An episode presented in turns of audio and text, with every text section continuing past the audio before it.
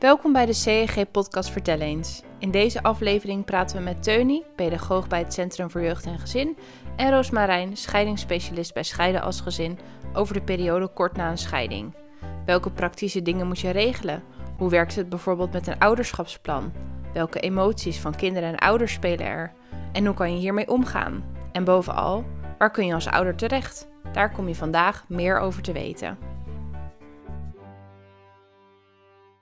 Nou, welkom Teunie en Roosmarijn. Uh, leuk dat jullie er zijn. Jullie hebben allebei al eerder een podcast ingesproken, dus wel heel erg leuk om hier jullie aan tafel te hebben. Kunnen jullie je toch nog even voorstellen en wat meer over jullie zelf vertellen? Ik ben Teunie en ik werk in het Centrum voor Jeugd en Gezin in Leiden, Leidendorp, Zoeterwoude en Nieuwkoop. Ik ben pedagoog, pedagogisch adviseur noem ik mezelf vaak. Ik praat met ouders over allerlei vragen die zij hebben rondom het opgroeien en opvoeden van kinderen. Tussen de 0 en de 18 jaar. En daar komen ook regelmatig vragen rondom scheiding bij voorbij. Bijvoorbeeld, hoe moeten we het de kinderen vertellen, waar de eerste podcast over ging. Maar ook, ehm, hoe kunnen we de kinderen dan goed begeleiden bij, uh, bij de scheiding? Wat kunnen we doen als ze niet meer graag naar de andere ouder gaan? Nou ja, eigenlijk allerlei dingetjes. En ook bijvoorbeeld als ze vragen hebben over de omgangsregeling.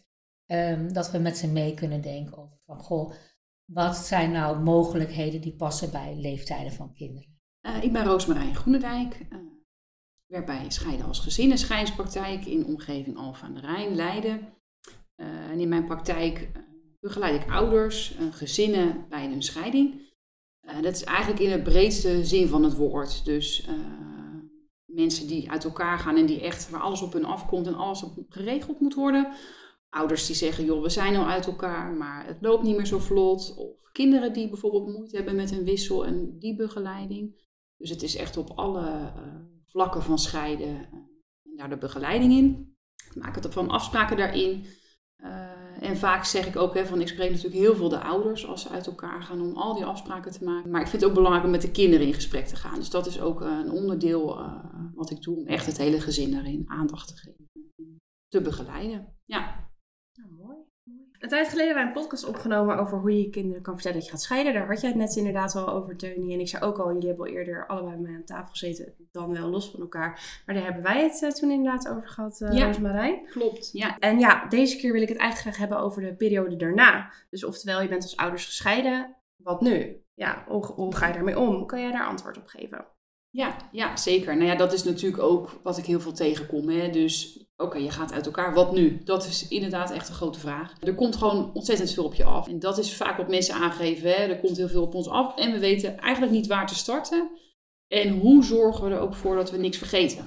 Uh, dus wat, wat, waar moeten we eigenlijk allemaal aan denken? Dus dat zijn echt wel de, de vraagstukken waar mensen echt uh, niet weten waar te beginnen. Ook natuurlijk in de, in de fase waar er zo ontzettend veel emotioneel op je afkomt dus het is die combinatie dat mensen nou ja, echt niet weten waar te starten.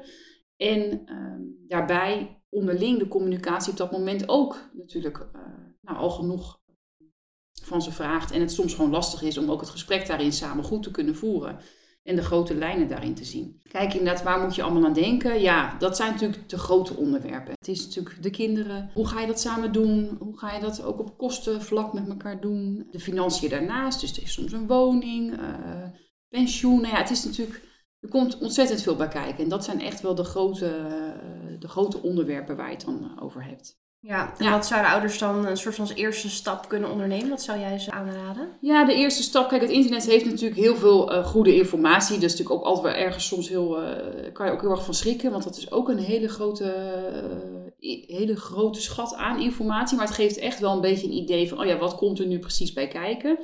Um, en je kan daar ook wel echt een selectie maken en een gevoel krijgen bij. Wat is bij ons passende hulp? Dus hoe gaan we dit doen? Gaan we dat zelf doen? Welke welke hulp is beschikbaar en wat past dan bij ons. Uh, dus ik denk dat dat wel een eerste stap zou zijn om daarin een selectie te maken. Van joh, hoe gaan we dat doen? Ja. ja. En jij sprak net ook over kinderen. Hoe zit dat dan met kinderen? Hoe doe je dat met kinderen? Ja, dat is natuurlijk uh, zeker. Hè. En in de volgende, vorige podcast hebben we het daar natuurlijk heel goed over gehad. Hè, van hoe vertel je het ze? Dat is natuurlijk een hele grote stap. Uh, dat is om ze echt mee te nemen in dat proces van joh, we gaan uit elkaar en wat nu? Kijk, daarna dan, hè, is natuurlijk het term ouderschapsplan. Wat natuurlijk eigenlijk dan, eh, wat je overal terug zal zien en wat ook ter sprake is. Het ouderschapsplan, ouderschapsregeling, het is maar net hoe je het noemt. Is eigenlijk het document van joh, we gaan uit elkaar, hoe gaan we dat samen als ouders doen? Het is verplicht, hè? dus als ouders ben je verplicht in Nederland om dat te doen. Uh, dat is echt in het belang van de kinderen en van de ouders om die uh, leidraad te hebben, om dat inzicht te hebben van joh, hoe gaan we die opvoeding samen doen? Ja, en in de basis bevat het echt afspraken over uh, hoe gaan we opvoeden? Hoe gaan we dat doen? De zorg en de opvoeding van de kinderen. Omgangsregeling, dat is natuurlijk gelijk een heel specifiek woord, maar dat betekent van joh, wanneer zijn de kinderen Hoe gaan we die zorg eigenlijk samen verdelen? Hoe gaan we dat doen? Uh, en hoe gaan we elkaar informeren? En communiceren we dan daarover met elkaar? Dus alles wat aan de hand is, dat is een belangrijke kwestie. Ja, hoe gaan we dat uh, met elkaar afstemmen en, en opnemen met elkaar? En natuurlijk een stukje financiën. Dus ja, hoe gaan we? Kinderen kosten geld. Hoe gaan we dat doen? Daar wil ik straks uh, graag nog heel Ja, even op terugkomen. zeker, ja. Eerst ben ik even benieuwd van, zijn er nog bijzonderheden in zo'n ouderschapsplan waar ouders rekening mee moeten houden? Ja, dat zijn dus die grote pijlers eh, hè, die ik net een beetje noemde. Daarbij zeg ik ook, je hebt natuurlijk altijd echt je eigen opvoeding en je eigen gezin met je eigen specifieke punten die van belang zijn. Ja, dat moet er ook daarin zitten. Dus bepaalde tradities, bepaalde gewoontes, dingen die je zelf gewoon heel belangrijk vindt. Soms kan het over voeding zijn, soms kan het over uh, echt bepaalde regels, over bedtijd, over uh, een ritme. Ja, ik zou zeggen uh, dat zoveel mogelijk ook opnemen, daar toch wel over hebben met elkaar. Ja. ja. ja. Ja, ik denk je hoeft uh, in het ouderschapsplan niet alles dicht te timmeren. Maar wat is het fijn als bepaalde dingen die belangrijk zijn, uh, toch voor nu zijn vastgelegd uh, in samenspraak, waardoor ja. je daarop verder kunt bouwen. Verder denk ik dat ehm, het ook van belang kan zijn, toch Roos, dat, ehm, dat je zeker als je kinderen nog heel jong zijn, het ouderschapsplan ziet als een plan wat ja, wellicht ook regelmatig bijstelling behoeft. Dat kinderen andere behoeften krijgen als ze, als ze opgroeien en andere omstandigheden. En dat het ook van belang kan zijn om daarvoor al momenten af te spreken. Ja, ja. ja goed dat je dat zegt. Dat is inderdaad ook zo. Ja, tuurlijk. Een kind van drie heeft weer een hele andere behoefte hè, dan een kind uh, vier jaar later als ze zeven zijn. Ja, uh, het is goed om daar naar, naar te kijken. Van joh, uh, het is een, een groeidocument ergens. Hè, wat, wat, hoe het nu is met de kennis van nu, maak je afspraken. En hoe ga je dan met de toekomst om en hoe ja, evalueer je daarin? Zegt. En misschien kan je daar inderdaad afspraken over maken. Van joh, we gaan eh, ieder, um, ieder jaar of andere momenten toch met elkaar zitten en kijken van waar staan we dan nu? Ja. Ja, hele goeie. En uh, het is natuurlijk mooi dat het dan vastgelegd kan worden, zo'n ouderschapsplan. Jullie geven natuurlijk nu ook al aan van nou, het kan natuurlijk veranderen met de jaren. Maar um, ja, dan ben je gescheiden, je hebt, het, je hebt het ouderschapsplan, maar je blijft natuurlijk gewoon de ouders van je kinderen. En hoe regel je dan in de praktijk ook echt samen die opvoeding? Hoe zet je dit, hoe zet je dit voort na de scheiding? Ja, nou ja, dat is nou heel goed dat je dat zegt. Dat is natuurlijk uiteindelijk ook waar het om draait. Dus hè, we hebben een leidraad, we hebben een document. Dat is heel goed, maar uiteindelijk moet je het ook gaan doen met elkaar. En dat is uiteindelijk waar het allemaal uh, bij elkaar komt en ook wat de kinderen gaan ervaren. Het is ook goed om dat aan, met elkaar te bespreken en om dat ook te realiseren. Van joh, je hebt het jaren op een bepaalde manier gedaan soms. Je gaat het nu op een andere manier doen. Je gaat weer op een andere manier samenwerken met elkaar. Wat verwacht je daarin van elkaar om ook dat af te stemmen? Dus het is niet, denk ik, alleen belangrijk om te kijken naar het ouderschap en naar het opvoeden. Maar ook naar van hoe gaan wij dit als ouders met elkaar doen en wat verwachten we daar dan in van elkaar. Ja, en, en dat gaat misschien ook niet direct helemaal goed. Want je hebt het dus jaren op die bepaalde manier gedaan en het is echt wel anders als je het straks in twee huizen doet. Ja, het is prima. Geef elkaar ook de tijd om daarin te groeien en, en een nieuwe manier te vinden met elkaar. Echt ja. op praktisch niveau eigenlijk. Ja. Ja, dan wil ik inderdaad vragen van wat nou als het niet zo soepel gaat? Want ja, je gaat niet voor niks uit elkaar, eerlijk is eerlijk Ja. natuurlijk. Ja. Ik, het kan zijn dat het natuurlijk wel in één keer soepel gaat, maar wat nou als dat niet zo is? Maar dan zeg je eigenlijk geef elkaar de ruimte en de tijd om... eh, Ja, ja, dat is eigenlijk wel. eh, het, kan, het gaat niet allemaal direct goed. Ik denk dat het bij ook belangrijk is dat je, en misschien was dat al zo voordat jullie uit elkaar gingen, dat jullie op bepaalde punten echt eh, ja, verschillende dingen doen van elkaar. Niet de wezenlijke dingen wellicht, maar toch. Hè? Bijvoorbeeld rondom wat je eet. Hoe belangrijk is het om ehm, te zien waar die verschillen weliswaar zo zijn dat je het zelf echt anders zou doen. Maar dat je toch uh, er goed aan doet om het te laten. Hoe bedoel je dan te laten bij de andere ouder? Bij de andere ouder te Ja, laten. ja. Ja. dat die het op zijn of haar eigen manier doet. Om op die manier ook de verstandhouder niet te belasten met eh, dingen die niet al te belangrijk zijn. Ja, Ja. keuzes daarin te maken eigenlijk. hè. Ja, En- ja, ja, ja. Ja, en hoe kom je dan eigenlijk op één lijn bij dingen die je wel belangrijk vindt als ouder zijnde? Die je niet kan laten eigenlijk. Gewoon praten of... Ja, ik denk het wel. Ja, Ja, ik denk het ook, inderdaad. Praten, eh, toch met elkaar. Oké, wat maakt dat je het belangrijk vindt? Wat is het belang van het kind? Hoe zien Ja. we dit dan? Toch, Ja. toch het gesprek daarin aangaan. Maar inderdaad wel proberen ook daarin de lijn te zien van... Oh ja, dit zijn inderdaad essentiële zaken. En Ja. dit, eh, hè, dit is mijn huis, dat is dat huis. En daar proberen...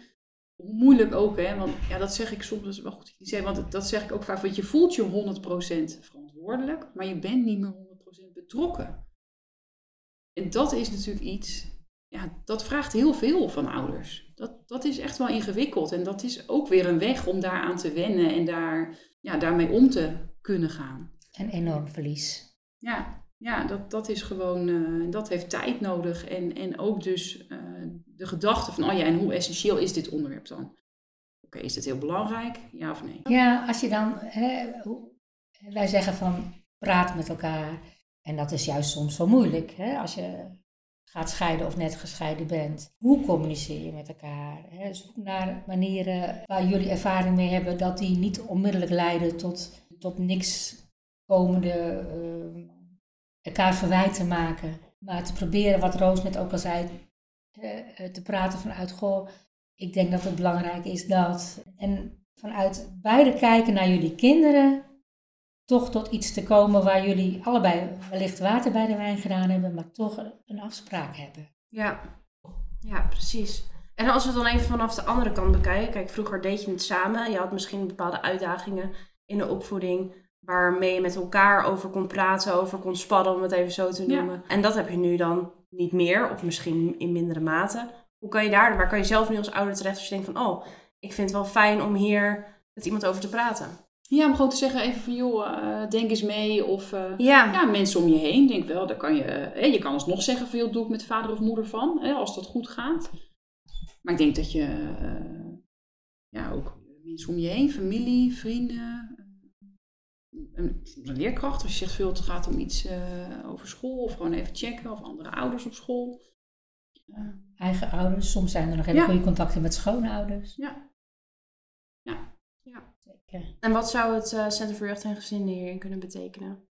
Ja, ouders kunnen altijd aankloppen bij het Centrum voor Jeugd en Gezin met, met vragen rondom scheiding. Bij de jeugdgezondheidszorg, als ze daar eh, langskomen, kunnen ze hier altijd vragen over stellen. Eh, ook bij mij, als pedagogisch adviseur, kunnen ouders terecht of bij een van mijn collega's. En als het echt erg lastig wordt en het blijkt dat ouders tegenover elkaar komt te staan en het eh, wat we dan noemden een complexe scheiding wordt, dan kunnen ouders ook terecht bij ons eh, jeugdteam, zo heet het in de Leidse regio, of het jeugd- en gezinsteam, zoals het in Nieuwkoop heet, of nou ja, welke benaming het ook heeft in het CG, maar waarin ja, de wat verdergaande hulp aan ouders eh, wordt geboden.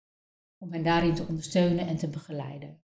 Ja, eigenlijk zeg je, laagdrempelig kan je al bij het CG terecht. En eigenlijk kom je dan vanzelf in de juiste hulp, eh, bij de Absoluut. juiste hulp terecht. Oké. Daarnaast hoor ik wel eens dat ouders co-ouderschap hebben. Ehm, wat is dit eigenlijk precies en welke andere vormen zijn er nog meer? Ja, co-ouderschap. Ja, het is eigenlijk, hè, ga je met elkaar in gesprek als ouders van hoe gaan we de zorg verdelen? Wanneer zijn de kinderen waar? Ehm, co-ouderschap is een vorm waarbij je bijna een gelijke verdeling hebt. Dus de kinderen zijn dan ongeveer net zoveel bij vader of bij moeder. Zo kun je het zien. Dat kan bijvoorbeeld zijn eh, drie dagen in de week hier en vier dagen in de week daar. Of een week bij de een en dan een week bij de ander en dan weer een week bij de een. Hè, dat je het op die manier doet. Dat is ongeveer wanneer we praten over een co-ouderschap. Ja, ehm, dat is altijd wel ehm, je hebt heel veel vormen. Hè? Ik zie heel veel uh, omgangsregelingen en we hebben, ik zie van alles voorbij komen. Net maar hoe mensen, ouders, kinderen het passend vinden bij hoe zij uh, het willen inplannen en wat bij hun past, bij hun specifieke situatie. Ja, er, is geen regel in. Hè? Ouders mogen dat zelf indelen en het heeft natuurlijk ook te maken met de leeftijd van de kinderen. En wat, uh, wat vraagt dat? Waar, waar, waar, ligt daar dan weer de behoefte bij? Dus het is echt wel een combinatie van, oké, wat vinden de ouders belangrijk? Wat is uh, een stuk kwaliteit? Hè? Dus hoe kunnen we kwaliteit bieden aan de kinderen in plaats van kijken naar kwantiteit? Wanneer zijn ze waar en optellen? En maar gewoon echt kwaliteit van hoe is het goed voor de kinderen, hoe is het goed voor de ouders? En uh, de leeftijd van de kinderen. Wat, wat, wat heeft dat nodig? Ja. En dan zouden ouders bijvoorbeeld bij jou terecht kunnen voor advies daarover? Ja, zeker. Ja. Nou, dan hebben we het nu voornamelijk over de ouders natuurlijk gehad. Maar je hebt natuurlijk ook de kinderen. Vanaf welke leeftijd kunnen zij een beetje zelf ook over dingen meebeslissen of hun mening geven? Ja, nou, dat is wel goed. Want soms zeggen natuurlijk, uh, hoor ik vaak dat mensen zeggen, oh maar ze zijn twaalf, dus ze mogen uh, meebeslissen. Of ze hebben, hè, ze hebben uh, keuze, bijvoorbeeld, wordt dan gezegd. Um, nou, dat is natuurlijk ook zo. Hè, vanaf een bepaalde leeftijd kunnen kinderen best wel goed meedenken en meepraten. En op een bepaalde mate. Hè, over, joh, wat, wat, hoe gaan we het straks doen? Wat gebeurt er? En hoe gaan we straks die die zaken regelen en afspraken maken bijvoorbeeld. Dus daar kunnen ze op een gegeven moment wel over meedenken. Um, en vanaf, vanaf 12 hebben ze dan ook een officieel hoorrecht. Uh, dat is waar mensen dan ook wel een beetje naar verwijzen. Maar hoorrecht wil eigenlijk zoiets zeggen als dat kinderen dan een uitnodiging van de kinderrechter krijgen om zich te uiten aangaande de scheiding. Dus ze kunnen hun mening geven. Dat is eigenlijk wat het is. Ze kunnen een situatie uitleggen, ze mogen hun mening geven, ze mogen zeggen hoe het voor hun voelt. Um, daar ze echt een uitnodiging voor. Nou, dat is natuurlijk uh, best wel een stap hè, voor kinderen. Uh, mijn kinderrechter. Het is een recht, geen plicht. Dus ze mogen zeggen, nou dat vind ik fijn, dat ga ik doen. Of ze kunnen zeggen, nou dat, zie ik niet zitten, dan hoeft het dus niet. Maar de mogelijkheid is er. Dus de mogelijkheid om zich te uiten is er. Uh, de rechter vervolgens kan het meenemen.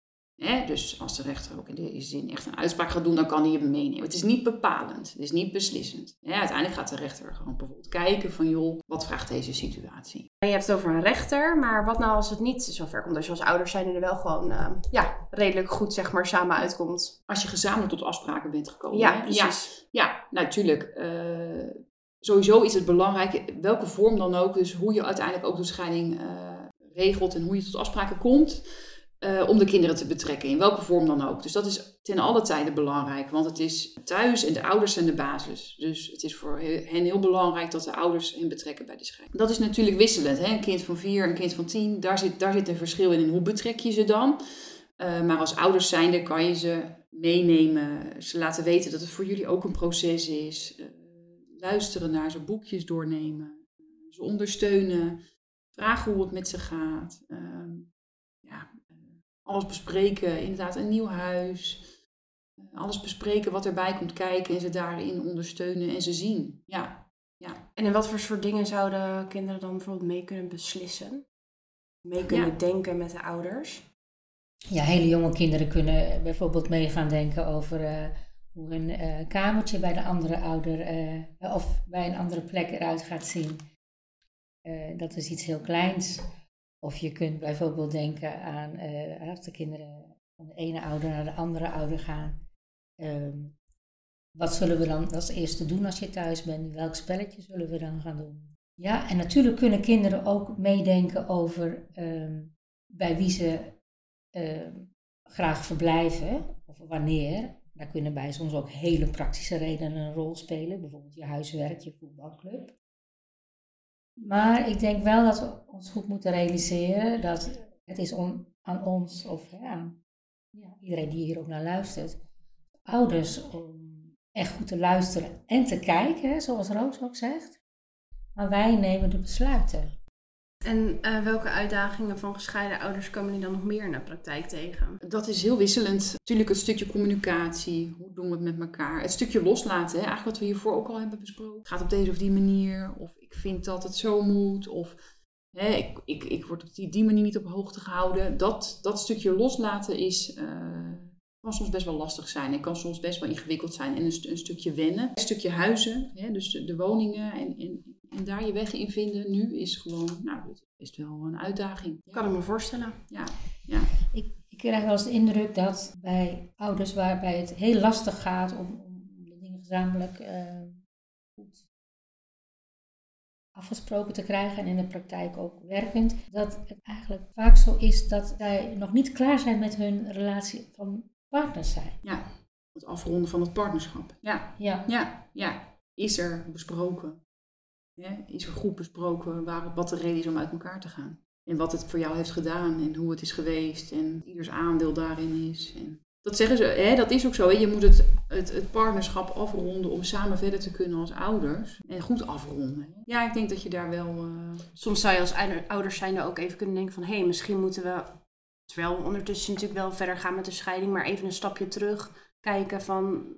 Nou, zeker. Ja, ja. Ja. Is het? Hè? Dat zou je misschien soms verbazen, maar dan vraag ik van, is het helder? Wat, wat, is eigenlijk de reden? Wat maakt dat je uit elkaar gaat? En soms is dat heel duidelijk. Hè? Zijn mensen er heel duidelijk in van? En allebei ook van, joh, dit is, dit is, nee, is voor ons echt heel duidelijk waarom. Maar ook heel vaak is dat niet duidelijk. En dat, als die vragen niet beantwoord zijn, als je je niet hebt kunnen uiten, als je niet gehoord en gezien bent, dan is het ook heel lastig om tot afspraken te komen. Ja. Want dat, dat gaat overal doorheen, hè, dat gevoel. En dan is het heel lastig om met iemand samen te werken als je voor jouw gevoel niks terugkrijgt. Dan is het ook moeilijk, denk ik, om het zicht op de kinderen te houden. Hè? Om, om echt aan hun belangen te blijven denken in plaats van uh, nu krijg ik een kinderzin. Ja. Of, uh... ja, het partnerschap neemt eigenlijk nog een te grote deel in om los te kunnen zijn en echt als ouders te kunnen kijken. Dan heb ik weer even een compleet andere vraag. Ga ik weer even nou, over een ander onderwerp. En dat is dat uh, veel ouders zich afvragen hoe het precies zit met alimentatie. We hadden natuurlijk net al over financiën en kosten. En dat dat ook uh, ja, een bepaalde rol kan spelen. Uh, ja, maar hoe wordt bepaald ja. hoeveel en of er alimentatie betaald moet worden? Ja. Nou ja, uiteindelijk gaat het natuurlijk terug naar dat je beide verantwoordelijk bent als ouders voor de kinderen. je bent beide verantwoordelijk, dus je bent ook financieel verantwoordelijk. Ja, dat is heel simpel. Um, en dat is dus ook de vraag die ontstaat bij scheiding. Wat kosten de kinderen? Of het kind? Uh, en in welke verhouding gaan we dat hè, Hoe gaan we dat betalen? Dat is eigenlijk, als je hem klein maakt, de vraag die beantwoord moet worden. Um, nou ja, daar heb je meerdere manieren in van, joh, hoe gaan we dat doen inderdaad? Uh, dat kan in vorm van uh, alimentatie. Dat is echt een soort formule, even zo gezegd. kinderalimentatie. Of je zegt, nou, we gaan dat op onze eigen manier doen. We gaan daar zelf afspraken over maken. Dat kan ook. Um, dus er zijn daar echt wel uh, wat mogelijkheden in. Het is wel complex. Laten we, daar ben ik wel uh, eerlijk in. In die zin, het is complex om dat goed te bekijken. Om alles in kaart te brengen. Om te zien van, hè, wat is dan redelijk en eerlijk. Uiteindelijk uh, hoe het even gewoon qua formule werkt en qua idee is dat er altijd wordt gekeken van, joh, wat, wat zijn de kinderen gewend geweest? Hè? Dus wat is de behoefte? Wat hebben de kinderen nodig? Dat is vraag 1. Dan ga je kijken van, joh, wat is de draagkracht van de ouders? Nou, dat is een moeilijk woord, maar dat betekent zoveel als hoeveel kunnen de ouders betalen per maand? Hè? Um, ja, dus wat verdienen ze wat zijn de vaste lasten? Ja, wat zijn je lasten en, en, en wat, wat kan je aan de kinderen betalen? Dus je hebt een stukje van, joh, wat kosten de kinderen? Wat kunnen de ouders betalen? En dan, uh, wanneer zijn de kinderen of kind waar? dus wanneer heeft wie de zorg en dus ook op dat moment uh, een deel van de kosten? Ja. Uh, dat is een soort formule uh, die je kan zeggen van, joh, daar kijken we naar. En heb je nog aanvullend advies die je ouders zou willen geven om dit te berekenen? Of zeg je van, nou, dit... Ja, nou, ik ben, ja, ik zou wel zeggen, joh, zoek iemand Hè, dat kan een juridisch loket zijn, uh, dat kan een uh, mediator zijn, dat kan een advocaat zijn. Uh, maar zoek wel iemand die daar goed naar kan kijken.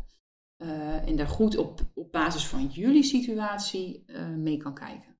Ja. Dus en niet wat... een algemene berekening. Want dat is, ja. En wat nou als die afspraken niet goed verlopen rondom alimentatie? Of als de afspraken wel zijn gemaakt, maar ze bijvoorbeeld niet worden nagekomen? Ja, nou, um, ja, ik zeg altijd weer in gesprek. Ja, je bent toch beide verantwoordelijk voor de kinderen. Je moet er samen uitzien te komen. Dus in gesprek. Ja. Samen of met hulp.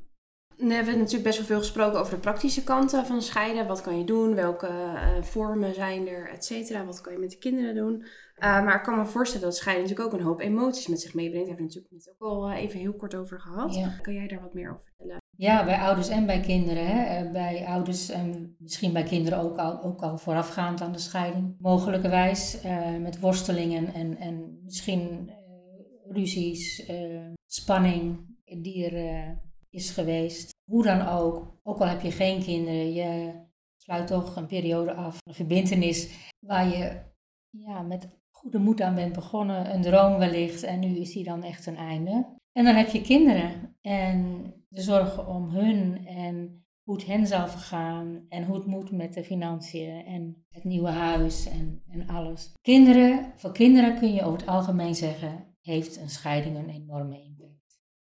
Kinderen willen tot, uh, tot diep in de volwassenheid het liefst dat hun ouders uh, bij elkaar komen, weten we. Het is een basis, Roos zei net al zo mooi, en daar gaat verandering in komen. Welke emoties spelen er? Nou, verdriet, Hè, dat, dat, dat dat er niet meer zal zijn, dat de vanzelfsprekendheid weg is. Het verdriet om het niet altijd meer kunnen zien van papa of mama. Bij het verhuizen, verlies van vriendjes, school, noem maar op. Maar ook denk ik heel vaak angst, een vorm van angst. Samenhangend met dat die zekerheid wegvalt. Eh, als ouders uit elkaar kunnen, elkaar niet meer lief kunnen vinden, vinden ze mij dan altijd nog wel lief? Heb ik iets verkeerd gedaan. Niet zeker weten wat er gaat gebeuren. Hoe zal dat zijn?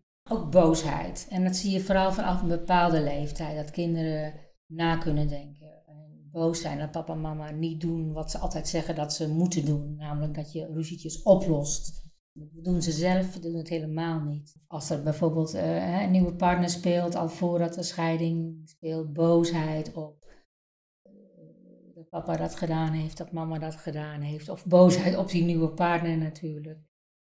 Ehm, ja, en zeker in de puberteit kan er ook heel veel boosheid zijn. Uh, pubers hebben zo nodig om een stabiele achtergrond te hebben om zelf onverstandige dingen te kunnen doen. En nou hebben ze te maken met een situatie ja, waarin ze zich heel anders misschien moeten opstellen. Een reactie waarin uh, veel afkeer uh, een hoofdrol speelt, kan daarin kan daarbij zeker optreden. Maar je kunt niet altijd aan een kind zien hoe het zich voelt. Hè? Een kind kan ook heel teruggetrokken zijn of zich voorbeeldig gedragen. Ik zou tegen alle ouders willen zeggen, hou die het beste in de gaten.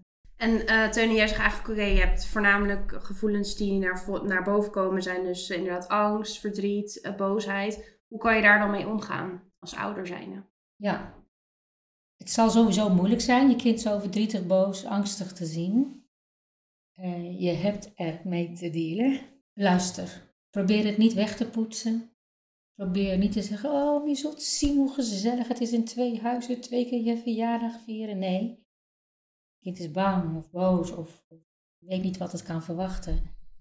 Neem het serieus, neem er de tijd voor. Lees er boekjes over. Maar ook voor zover kinderen het misschien lastig vinden om er met jou over te praten, juist omdat jij ook partij bent en ze zien al dat mama of papa zo verdrietig is, Um, kijk of er mensen zijn in de omgeving, vertrouwde mensen uh, die voor je kind vertrouwd zijn, een meester, een juf, een tante, uh, uh, waar ze hun verhaal aan kwijt kunnen. Geef goede informatie aan kinderen over wat er gebeurd is, op een manier waar kinderen niks aan hebben, maar wel over iets wat de achtergrond is van de scheiding. Een beetje algemene termen die geen van de ouders beschuldigt en die de kinderen een beetje kunnen begrijpen in hun taal. Waarbij, dat kwam verleden keer ook aan Hè, ehm, uh, het duidelijk moet zijn voor de kinderen dat zij er geen enkele schuld aan hebben. Nou, we komen een beetje aan het eind. Maar ik vroeg me wel af of jullie nog algemene tips of adviezen hebben voor ouders. Ja, ja ik heb er wel een paar. nou, één is zorg goed voor jezelf. Probeer het echt te doen. Probeer structuur te houden, gezond te eten. Je bent in zwaar weer en uh, jij bent degene die voor jezelf kan zorgen. En je geeft er een heel mooi voorbeeld mee aan je kinderen. Als het gaat om de communicatie met de andere ouder, probeer ook goed naar jezelf te kijken. het is zo gemakkelijk, juist in deze situatie, om naar de ander te wijzen. Het kan ook een functie hebben om een beetje uit elkaar te komen. Maar blijf ook kijken naar je eigen aandeel en hoe ver je wat je doet en wat je zegt helpt om twee goede gezinnen te helpen bouwen. En derde, ehm, bedenk dat ehm, het voor de kinderen het meest moeilijk is als hun, kinderen, als hun ouders ruzie maken. zeker op die momenten eh, bij de overdracht, hè, als je de kinderen wegbrengt of ophaalt. Eh, maar ook aan de telefoon. Eh, ook hoe je over de andere ouder praat. Wees daar heel erg op beducht. Je kunt nog liever als ouders helemaal geen contact met elkaar hebben. Wat sommige ouders doen, die zijn parallelle ouders noemen we dat. Eh, dan ouders die alsmaar ruzie maken waar de kinderen eh, eh, weet van hebben. Eh, want zij voelen zich bekneld. En ze, slecht voor hun eh, welzijn en ontwikkeling. Wil jij daar nog eens op Ja. aanvullen? Nou, mooi. Ik denk dat Teunie wel de belangrijkste punten inderdaad eh, aanhaalt. Hè? En ja, ik kom een beetje weer terug ook op geven de tijd. Het, het, het heeft gewoon tijd nodig. En inderdaad, je zit in heel zwaar weer. Jullie zitten allebei in heel zwaar weer. Eh, geef het de tijd om te komen eh, tot een goede samenwerking. Zijn er ook nog handige apps of websites of boekjes die ouders kunnen raadplegen? Ja, zeker. In de vorige podcast kwam eh, Jonge Helden al naar voren en eh, Villa Pinedo. In de bibliotheek zijn ontzettend veel mooie boekjes over ouders die uit elkaar gaan en de gevoelens die je daarbij kunt hebben als kind en als kinderen eh, voor alle leeftijden.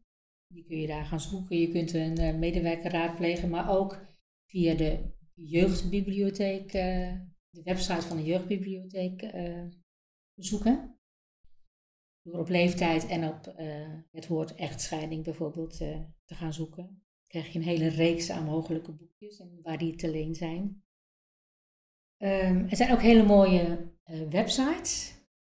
Onder andere die voor de Raad voor de Rechtsbijstand. Zeg ik het zo goed trouwens? Ja, volgens mij wel. Ja, Raad voor Rechtsbijstand. Ja. Ja, eh, Ouders uit elkaar heet die, met twee streepjes ertussen, middenstreepjes. Met ook weer mooie boekjes trouwens, maar ook ja, andere adviezen. Op het CEG, op de CEG-site staat van alles, cursussen, forums, informatie en meer. En onder andere ook, en dat zou ik nog even apart willen noemen, allerlei zaken van de Family Factory. eh, die ook podcasts uitgeven, eh, verha- ervaringsverhalen van gescheiden mensen. En ook ehm, andere scheidingsverhalen, meer op papier dan.